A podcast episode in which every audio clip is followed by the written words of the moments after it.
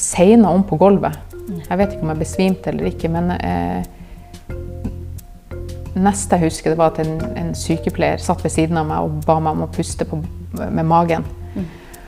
Så fikk hun meg inn på et annet rom der jeg kunne ligge på en sånn benk. Og da kom han Børge etter meg et, etter en liten stund. Og så la han seg ved siden av meg, og så, og så sa han Han sa unnskyld. Det var alt han sa. Han sa unnskyld til meg. Dette er veldig spennende. Nå er jeg inne på mitt pikerom, der jeg vokste opp. Og veit at inni skapet her Her er det russetinga mine skal være.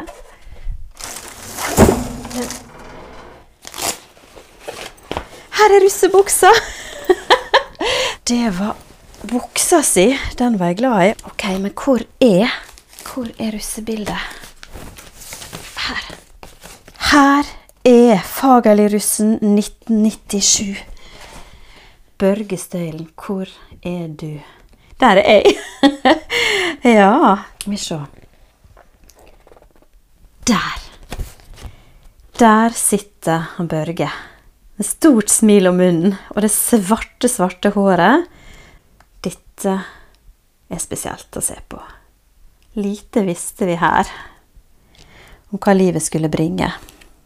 Børge, i morgen skal jeg treffe det som skulle bli din kone, Sunniva. Du kjente ikke hun der, men det ble nå ditt livs store kjærlighet, da. Dette gleder jeg meg veldig til å vise til Sunniva. Hvor kjekt. Deg, Børge. Nå ser jeg på russebildet igjen. Du var den første jeg tenkte på når jeg ble utfordra på å lage podkast om ALS. Og nå skal jeg følge deg. Og jeg skal løse gåta ALS. Og om jeg ikke klarer å løse så skal jeg iallfall komme nærmere. Og det ultimate målet må jo være å stoppe ALS.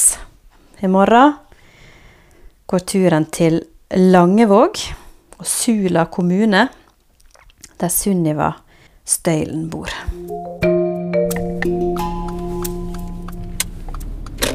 her er veien inn. Nå skal vi finne rette nummeret. Ta til høyre. Deretter ankommer du destinasjonen. Du er fremme.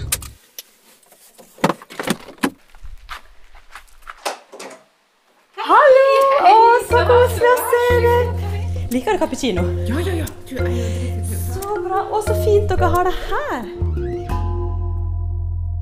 Dette er veldig koselig å få komme her til ditt hjem, Sunniva, som jo Børge står bak. Ja. Jeg tror han trengte spesielt å komme nærmere familien sin. Ja. Eh, han pleide vel å si det at han ville hjem for å dø. Sa han det? Ja. Og da begynte vi med dette prosjektet her, å bygge hus. Og da ville han Børge ha et hus med utsikt der han pleide å fly paraglider fra. Og det er bak, det fjellet bak der. Ikke sant, og det ser vi. Du har jo de panoramavinduene her. Det er derfor de store vinduene er vendt dit. dit. Så det er, mye, det, er mye tanke bak, det er mye mer tanke bak huset enn man kanskje tenker. Ja. Altså, her må jeg bare få spole litt tilbake til eh, start. På dette tidspunktet har jeg bare så vidt starta mi ALS-reise. Sunniva og jeg har hatt et par hjertenære forhåndssamtaler på skjerm. Og jeg kjenner jeg er så ydmyk over at hun åpna seg opp om tida si med han Børge. For den var så utrolig vakker, og blei så utrolig krevende. Og hun har egentlig alle muligheter til å være ferdig og droppe å snakke om det. Men i stedet så åpner hun seg altså opp og tar meg inn i sitt veldig fine hjem. Breie dørkarmer, store vindu, ei bod som opprinnelig var ei heissjakt. Planen var at Sunniva og Børge skulle takle livet sammen her i dette hjemmet da, i mange år framover. Men sånn ble det jo ikke. Ok, Som nyetablert familie bodde Sunniva og Børge eh, i Oslo. Men så flytta de altså til Børge sitt hjemsted på Sunnmøre i 2017. Massevis av familie bodde der i nærheten. Og så fant de da en midlertidig løsning mens huset skulle bygges. Og den midlertidige løsninga, ja, det var i ei ombygd garasje. Den var liten. Ok. Det var onkelen og, og tanta til han Børge som eide denne garasjen. De prøvde å gjøre det så godt som mulig da, for at vi skulle bo der. Så de hadde jo gjort en fantastisk jobb, men likevel så ble det jo krevende når du har tre rullestoler og det, det, det, det er så mye utstyr. Man trenger så mye utstyr når man har en sånn sykdom. Og så kom uka da dere skulle flytte inn her. Ja. Mm. Det hadde jo, da hadde jo sykdommen eh, kommet så langt, eller lungekapasiteten var såpass dårlig, at når dagen før vi skulle flytte inn hit, da døde han. Dagen før. Ja. Det var nok et nederlag for oss alle sammen. Eh, men så er det vel kanskje det som jeg trøster meg litt med, og kanskje som eh, ja, hjemmesykepleierne har sagt, at kanskje at han han så at alt var i orden med huset, og da slapp han taket.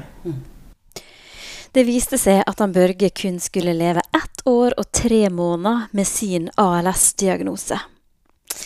Jeg er fortsatt nysgjerrig på hva som egentlig skjedde fra videregående og til Børges enke flytta alene inn i nytt hus med to små.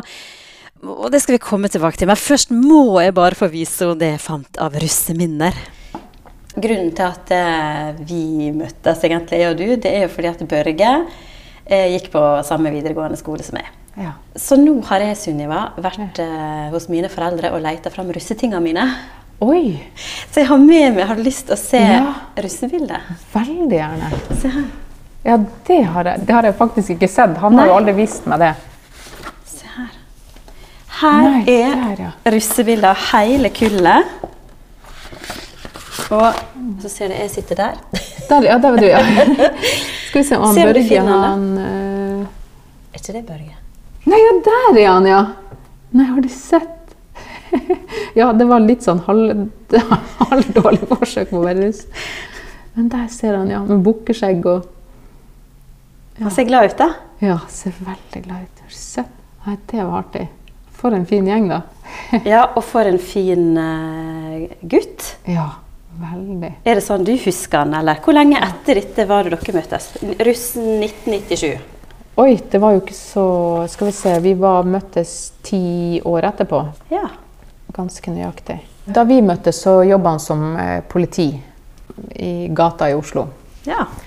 Det er faktisk både stjerne og hjerte i øynene når Sunniva forteller om Børge og livet de hadde sammen før sykdommen tok han. Politimannen og frisørdama fant hverandre, sjøl om han var virkelig hard to get. Han var nok en kvinnebedårer uten helt å vite det sjøl, den stille, stødige og flotte Børge. Det er fascinerende å høre hvor utrolig dyktig han var, smart og pålitelig, noe som tok han hele veien til jobben med å beskytte de som bor på Slottet. Hvor lenge var han eh, livvakt for kongefamilien? Åtte år. åtte år. Jo, for vi fikk, en, eh, fikk for en tallerken hver, eh, hver jul av kongefamilien. Ja vel? så da vet jeg, Vi har åtte, så da vil jeg si at han jobba der i åtte år. Men så begynte han å bli lei, og han trengte mer utfordringer. Han trengte å bruke hodet sitt eh, mer. Eh, han var jo en ekstremt smart mann. Og da begynte han å jobbe som konsulent for, eh, i Equinor. Oh, ja. Og da var det i forhold til sikkerhet og den biten der. Eh, og der jobba han bare i tre måneder. Og så fikk han Og det var jo, det glemte jeg å si, men at det var jo også mye av grunnen til at han måtte skifte jobb, fordi at han klarte ikke de fysiske testene lenger. Han klarte ikke å skyte på skytebanen, han klarte ikke å trekke av. Oi. Det var også mye av grunnen til at han måtte eh, sitte bak en pult istedenfor. Men visste han da at det var en grunn for det? Nei, da tenkte vi at det var alt, alt annet. Ja. Var det den? Hva arm fikk han det første? Han fikk det i venstre arm, og han var veldig opptatt av å skjule det. Så da tenkte vi jo at uh, det her ALS-spøkelset, det drev jo og Det hang jo der hele. For vi hadde jo googla mye, og vi hadde jo eh, kommet inn på det. Vi så jo at det var mye som stemte med ALS, annet eh, det her med eh, sånn leamus. Oh, ja. Det, er jo, det, det, det var jo det han begynte å få. Det hadde han jo i flere år. Ne. Det begynte han å få sikkert to år før det begynte å komme i armene hans. Altså rykninger i øyet? Er ikke det? Eh, ja, i hele kroppen. Ja. hele kroppen. Og så begynte, begynte han å ha problemer med å knyte skoene, og fikk problemer med finmotorikk. Eh, fordi at da begynte muskelen mellom pekefinger og tommel å svikte. Så da ble finmotorikk litt vanskelig for han. Åpne eh, syltetøyglass og colaflasker. Liksom alle sånne ting. Der den, eh, også det å skyte da ble vanskelig med venstrehånda. Og den begynte å lammes mer og mer. Og til slutt var den helt Den hang bare og slang. Eh, men sa, til tross for det så løp han maraton på eh, Jeg tror det var noe av den beste tida han hadde hatt noensinne. Og den, han drev og løp maraton, og han eh, hang og slang eh, samtidig. Så vi, vi klarte ikke å få det helt til å stemme med ALS. For hvorfor, hvorfor ville han klare å løpe maraton på så god tid om han hadde ALS i kroppen? Eh, og han løfta jo vekter. Han måtte jo teipe fast handa si i vektstanga for å få klare å løfte den. Og han løfta jo veldig skeivt. Det gjorde han jo. Så Ekstremt god form, da. ja, han var helt Han var jo skikkelig topptrent. Drakk lite alkohol, røyka ikke, snuste ikke. Vi føler jo at de personene som greier å leve sånn, det er de som skal få lov å leve lengst.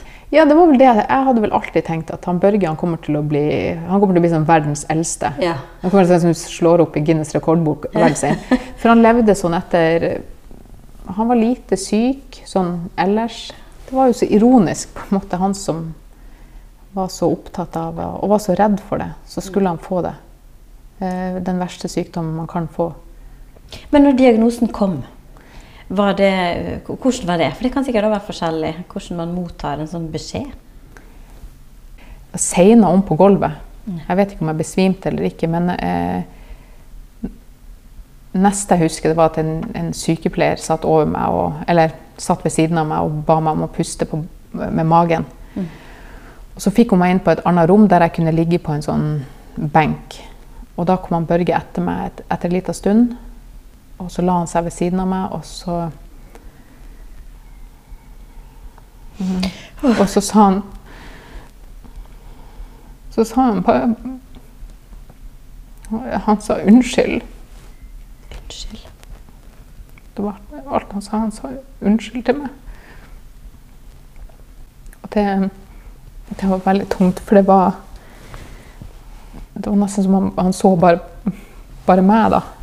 Eh, ja, det at han sa unnskyld, var veldig Han hadde litt sånn dårlig samvittighet for at han skulle Det her var jo mye pga. søstera mi da, nesten nylig dødd. Og at han skulle la meg gå gjennom dette en gang til. Uh, vi dro hjem, og jeg hadde uh, Da bestemte jeg meg en gang for at jeg skulle slutte å jobbe. Jeg skulle ikke kaste bort tid med å dra på jobb. Og da jobba du uh, som frisør? Ja, eh, på Adam og Eva på Aker Brygge eh, jobba. Ja. Du, du kan ikke gå rundt og surmule der. Nei. Eh, og så bestemte jeg meg for at jeg skulle være der for han 100 eh, Og da visste jeg jo ikke helt hva, jeg, ja, hva det innebar. Jeg husker til og med vi satt og så på nyheten av værmeldinga. Langtidsvarselet. Uh, tenkte at jeg kommer aldri til å bry meg om et langtidsvarsel igjen. Dette var stemma til han Børge. 2017 så var han og Sunniva med i TV 2-programmet Vårt lille land. Og Der fikk vi bli med inn i den lille garasjeleiligheta som de bodde i mens han var syk. Og vi ser at han har jo en deprimert eh, periode, men etter noen uker så samler han seg og tar fatt på livet igjen. Og det ser tross alt ut som de takler dette nye livet bra, og det er håpet som eh, rår. Jeg vet ikke. Jeg tror de fleste mennesker tenker sånn at uansett hvilken diagnose de får, og uansett hvor liten sjanse det er for å overleve dette, så tenker man at kanskje man er den første. Det vi hører nå eh, fra deg, og det vi har sett på TV 2, er jo litt eh, med fare for å kalle noe som helst å ha med ALS å gjøre, som et glansbilde. Så høres det jo veldig sånn fint ut. Men sannheten er jo at det ble ekstremt krevende, for ting skjedde. Hva kan du si om hvordan ting ble? Jeg må vel korrigere deg litt på det, for jeg tenker at vi ikke takla sykdommen så godt. Vi stakk, vi stakk nok hodet i sanda, begge to. Og ville, hadde skylapper på og ville ikke ta dette innover oss så, så mye som vi burde. Denne sykdommen krever jo masse forberedelser eh, og tilrettelegging. Eh, og det hadde vi ikke lyst til å ha, ha noe av. Sunniva var høygravid, samtidig som Børge sin sykdom gikk ekstremt raskt utfor kanten. En aktiv treåring hadde de også. Og Sunniva hun begynte å kjenne konsekvensen av det å være både kjæreste og hjemmesykepleier. Og her er det viktige ting å få med seg. I starten så var det jo dusjene, barberene, ja, sånn lage mat til han. Og så ble jo behovene større og større. Både følelsesmessig og fysisk. Mentalt og fysisk så ble det tyngre og tyngre for meg å pleie han. Ja. Det var nok det at han Børge ønska nok mest at det var jeg som skulle gjøre det. Og jeg tror han målte det litt i kjærlighet. Jo mer jeg gjorde, jo mer eh, bekreftelse fikk han på at jeg fortsatt elska han. Og jeg elsker han jo fortsatt, men jeg sleit med å klare det. Men så samtidig så følte jeg at jeg svikta han. Eh, det, har jeg, det følte jeg på da, og det har jeg følt på eh, mye i ettertid. Selvfølgelig så skal man bidra, men man kan ikke ta rollen som en hjemmesykepleier, for den er for, den er for krevende. Er ikke dette et litt viktig tema? Det er et kjempeviktig tema. Jeg tror alle går inn med den samme innstillinga, at dette skal jeg klare. Jeg skal være der for mannen min eller kona mi. Hva om ikke jeg hadde fungert lenger da? Jeg kjenner at det er viktig å være dønn ærlig på hvordan ALS oppleves og er. Men midt i en håpløs diagnose er det også viktig å formidle håp, og hvordan man kan leve innholdsrike liv tross alt. Og noe av det mest håpefulle er da å peke på all forskninga som foregår. Og det foregår nær oss, blant dyktige og erfarne forskere. Hei, jeg er Ole Bjørn Tysnes. Jeg arbeider som nevrolog ved nevrologisk avdeling ved Haukeland universitetssykehus. Jeg har jobbet med ALS siden 80-tallet. For tiden så driver jeg det såkalte No ALS-prosjektet, med forsøksvis utprøving av medikamenter mot ALS. Nå lærer Ole Bjørn her meg noe helt nytt. For meg var det iallfall det. For jeg har trodd at alle med ALS har en helt 100% klar hjerne til det siste. Og temaet kognitiv svikt, personlighetsendring, ja, det er mer reelt enn jeg var klar over. Det er jo også en realitet at en del pasienter får en kognitiv påvirkning. altså De endrer litt personlighet med denne sykdommen. Ca. halvparten av pasientene gjør det. Og Det kan gjøre at pasientenes innsikt i hvordan sykdommen påvirker familie og barn, den, den, kan være redusert. Og Da må man informere pasienter om dette, og da vil de ofte forstå at, at, kan være, at, at det kan være vanskelig for, for, familien også å leve med dette, at de får på en måte økt innsikt i det. De har kanskje ikke skjønt det med en gang pga. den forandringen som skjer i hjernen på pasienten. Ja, Snakker vi om en slags demens på en måte her, da? Ca. 10% av pasientene får en demens. Men, men ca. 40 får ikke en demens. Men de får en kognitiv påvirkning med litt redusert forståelse for hvordan sykdommen påvirker omgivelsene. Dette er en del av sykdommen. Mm. Men det illustrerer også at ALS-pasienter er ikke like. 50% av pasientene får ikke slik kognitiv påvirkning. Nå begynner det å bli både spennende og skummelt. For nå skal vi altså innom et tema som få snakker om. Jeg merker på det for Sunniva at dette her er litt krevende. for hun opplevde jo faktisk det her. Jeg er jo ikke på en måte en riktig person til å bedømme det, men ifølge eh, legene så hadde han nok mye tegn på det. Det forklarer så mye. Mm. Jeg skulle ønske at jeg visste dette, sånn at jeg, når de første tegnene kom, så kunne jeg tenkt at OK, dette er eh, mekanismer i hjernen. Ja. Det er ikke det at han Nei, det er jo ikke det at han er slem eller vil være slem. Eller, men, men, så er det vanskelig å vite hva er sykdom og fortvilelse. Eh, men det er vel kanskje vanskelig å måle fordi at de klarer å ja, F.eks. Stephen Hawking. da. Ja. Han kunne lett ha hatt en kognitiv svikt selv om han lø, lø, liksom selv om han var så smart som han var. Mm. Så det er to forskjellige ting. da. Men det skulle jeg ønske at, jeg mer, at det hadde kommet mer fram. Eh, for det kunne ha gitt mye forklaringer på Jeg tror at relasjonen mellom oss hadde kanskje blitt litt bedre, for da hadde jeg hatt ei hylle å putte det på.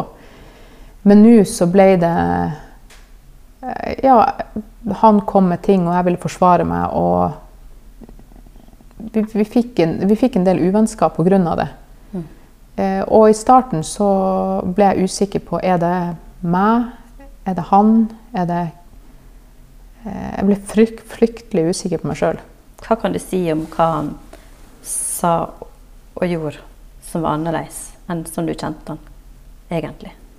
Nei, det var nok mest denne eh, rollen i forhold til pleie det var det vi sleit mest med. Jeg følte at han ikke klarte å forstå at jeg hadde eh, Jeg hadde to Vi hadde to barn som trengte meg. Eh, og der, der, ble rollene våre eh, der, der, ble det mye tull. Ja. Jeg vet at dette er touchy. Dette, ja, dette, er litt sånn, dette liker jeg jo ikke å gå inn på. Nei, og det er jo av hensyn til andre. Ja. Og så er det vel kanskje det som er Det er utrolig tabubelagt. Og man skal liksom være der 100 for de som er syke. Det er den som er syk, som det er verst for.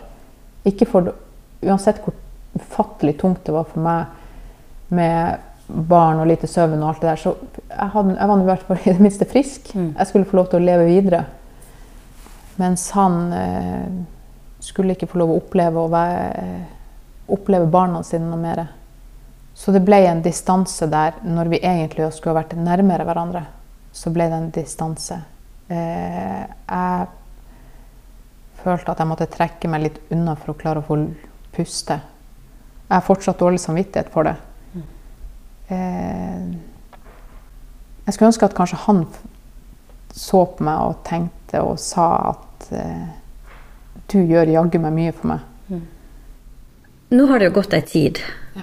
Og du har hatt det tøft mm. etterpå. Eh, jeg vet ikke hvor mye ord vi skal sette på det, men A4-livet, da. Det er jo spesielt for deg. Man får jo et helt nytt perspektiv på livet. Eh, både på godt og vondt. Jeg har jo gått mye til psykolog.